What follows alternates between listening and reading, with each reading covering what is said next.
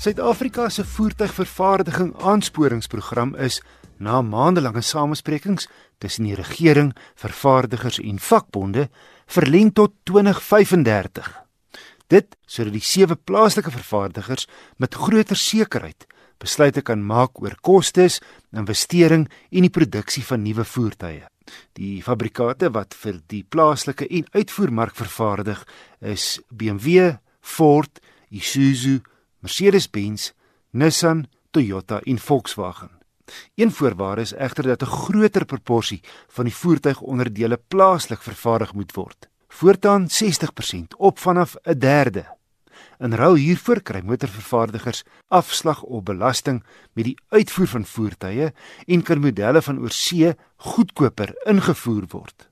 Suid-Afrika se voertuigbedryf is verantwoordelik vir 7% van die binnelandse produk en verskaf werk aan sowat 150 000 mense.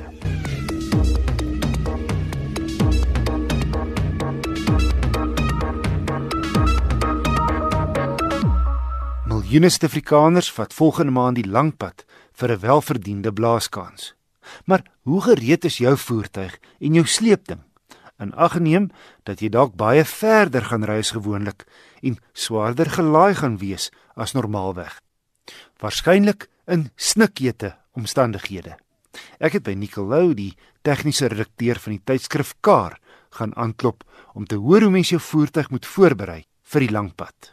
Maak seker dat jou voertuig volledig gediens is voor jy die langpad aanpak nie almal van ons is ewe vaardig nie en eweveel tegniese kennis nie, so is baie um, voordelig as jou voertuig goed gediens is. En natuurlik moet hy ook padwaardig wees. En as jy nog nie al daai padwaardigheid reëls mee ken nie, gaan kyk 'n bietjie op.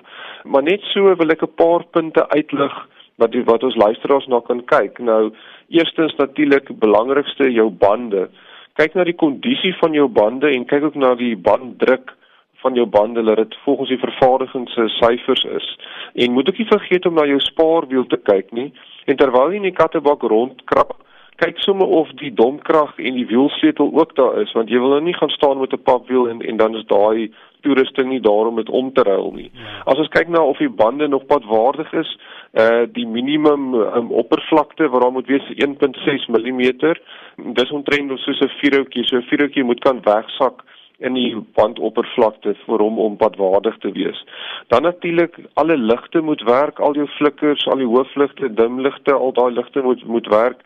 Kyk sommer na jou vooruit, um, of hy in 'n goeie kondisie is, waar nie krake oor is nie en terwyl jy daar is, kyk ook sommer na jou lisensieskyfie wat jy betaal het want dan gaan 10 teen 'n padblokkade wees en jy wil nou nie jou vakansie moet 'n uh, boete begin nie. Kyk ook na jou ruitveers, die kondisie van jou ruitveers en maak ook sommer seker dat daai bottel water wat die water na jou nou ruitveers toe verskaf ook vol is, ehm um, dat jou ruitte kan skoonmaak op pad. En ehm um, as jy bietjie tegnies aangelees, kyk na die ander vloeistowwe, ook kyk na jou olievlak, kyk na jou verkoeler se watervlak, daar's ook jou remvloeistof se vlak. En ehm um, ek hou daarvan om altyd 'n basiese gereedskap stel in my voertuig te hê en jy hoef nou nie 'n werktuigkundige te wees nie, maar selfs net iets soos 'n tang en 'n skroewedraaier, 'n 10 mm, 'n 13 mm sleutel dat jy ten minste net miskien die battery kan uithaal as jy moet langs die pad. Dit is altyd beter om iets by jou te hê. En dan wil ek ook aanbeveel dat as jy 'n voertuig het wat jy meestal net in die stad rondry, nou ewe skielik moet daai voertuig vir lankpad ry. Ehm um, gaan doen 'n bietjie 'n toets van die voertuig oor die naweek en gery so 10 km of wat of selfs 'n bietjie verder op die langpad teen die nasionale spoedgrens. Want as daai voertuig nooit dit gedoen het nie, dan het jy nooit geweet of daar miskien vibrasies is wat deur die stuurwiel kom of die bande moet gevibreer word of hy skeef trek na 'n kant toe nie.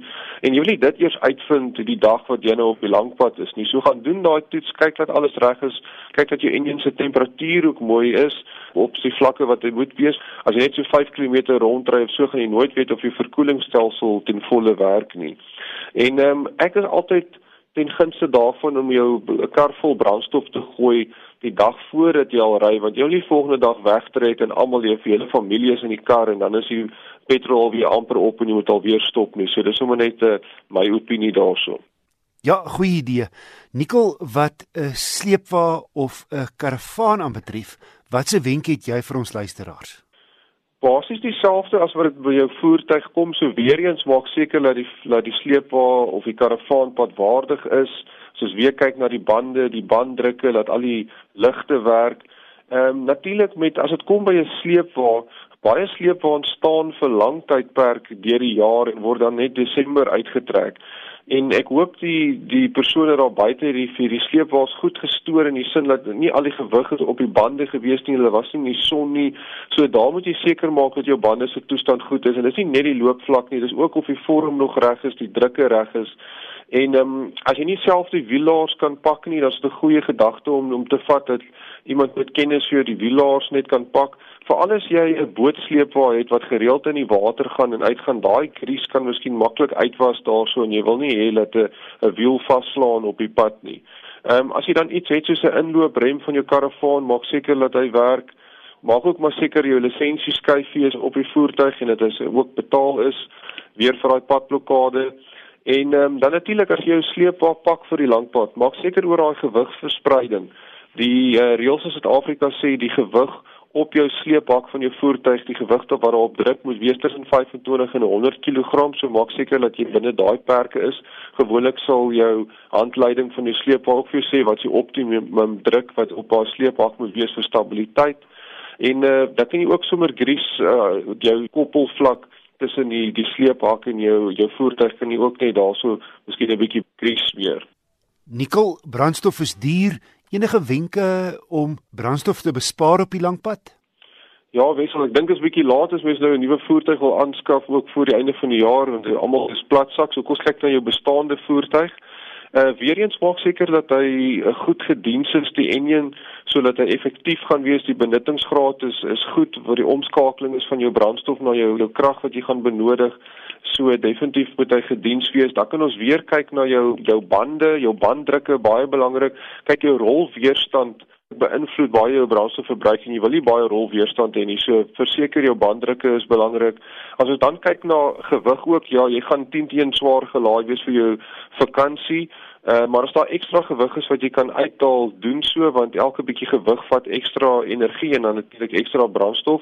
As ons kyk na jou uh, aerodinamika van die voertuig. Enigiets wat daai sleerkrag kan vermeerder en jy dit nie nodig gaan hê nie. Goed soos dakrakke, haal dit af. As jy van hierdie fietsrakke het wat bo op die kar pas, kyk eerder na daai wat agter op die kar is en selfs as jy jou fiets uitmekaar moet haal en binne in die voertuig te sit. Ons het toetse gedoen hier by kaarttydskrif wat bepaal het dat 'n groot verskil maak as jy die fietsrakke bo op die dak het met jou sleerkrag en ook jou brandstofverbruik. Kyk ook na die snelheid wat jy ry want natuurlik hoe vinniger jy ry, die sleerkrag gaan kwadraties op met die snelheid. So dis nie 'n reglynige vergelyking nie, dis kwadraties. So selfs as jy jou snelheid van die nasionale spoedgrens van 120 na na 110 of selfs na 100 te kan verlaag, gaan jy groot impak hê op jou brandstofverbruik. En natuurlik laastens jou bestuurstyl is so belangrik. As jy konstante spoed kan handhaaf, gaan jy soveel minder brandstof gebruik as wat jy hard versnel en dan weer moet rem. So vat maar jou tyd, jy's klaar op vakansie, moenie probeer om al die klokke verby te jaag om net weer te rem en dan te sien hoe hulle later by jou verbykom as jy middagete vat nie. Ehm um, ry konservatief, kom veilig daaraan en jy gaan sien jou brandstofverbruik sal ook sommer baie minder wees. Dankie Nicolou vir die goeie raad. Nico is die tegniese redakteur van die kaarttydskrif. En ek kan net nog 'n paar dinge byvoeg waarna ek nou vinnig kan dink in geval van 'n noodsituasie. 'n Bottel water vir jou gesin se kele of jou verkoelersin 'n noodhulptas, 'n brandblusser en iets wat mens maar altyd nodig kry, veral met kinders wat eet in 'n kar, is 'n natlappie of van daai higiëniese lappies in 'n houer of sak. Volgende week 'n patoets van Opel se Grandland X.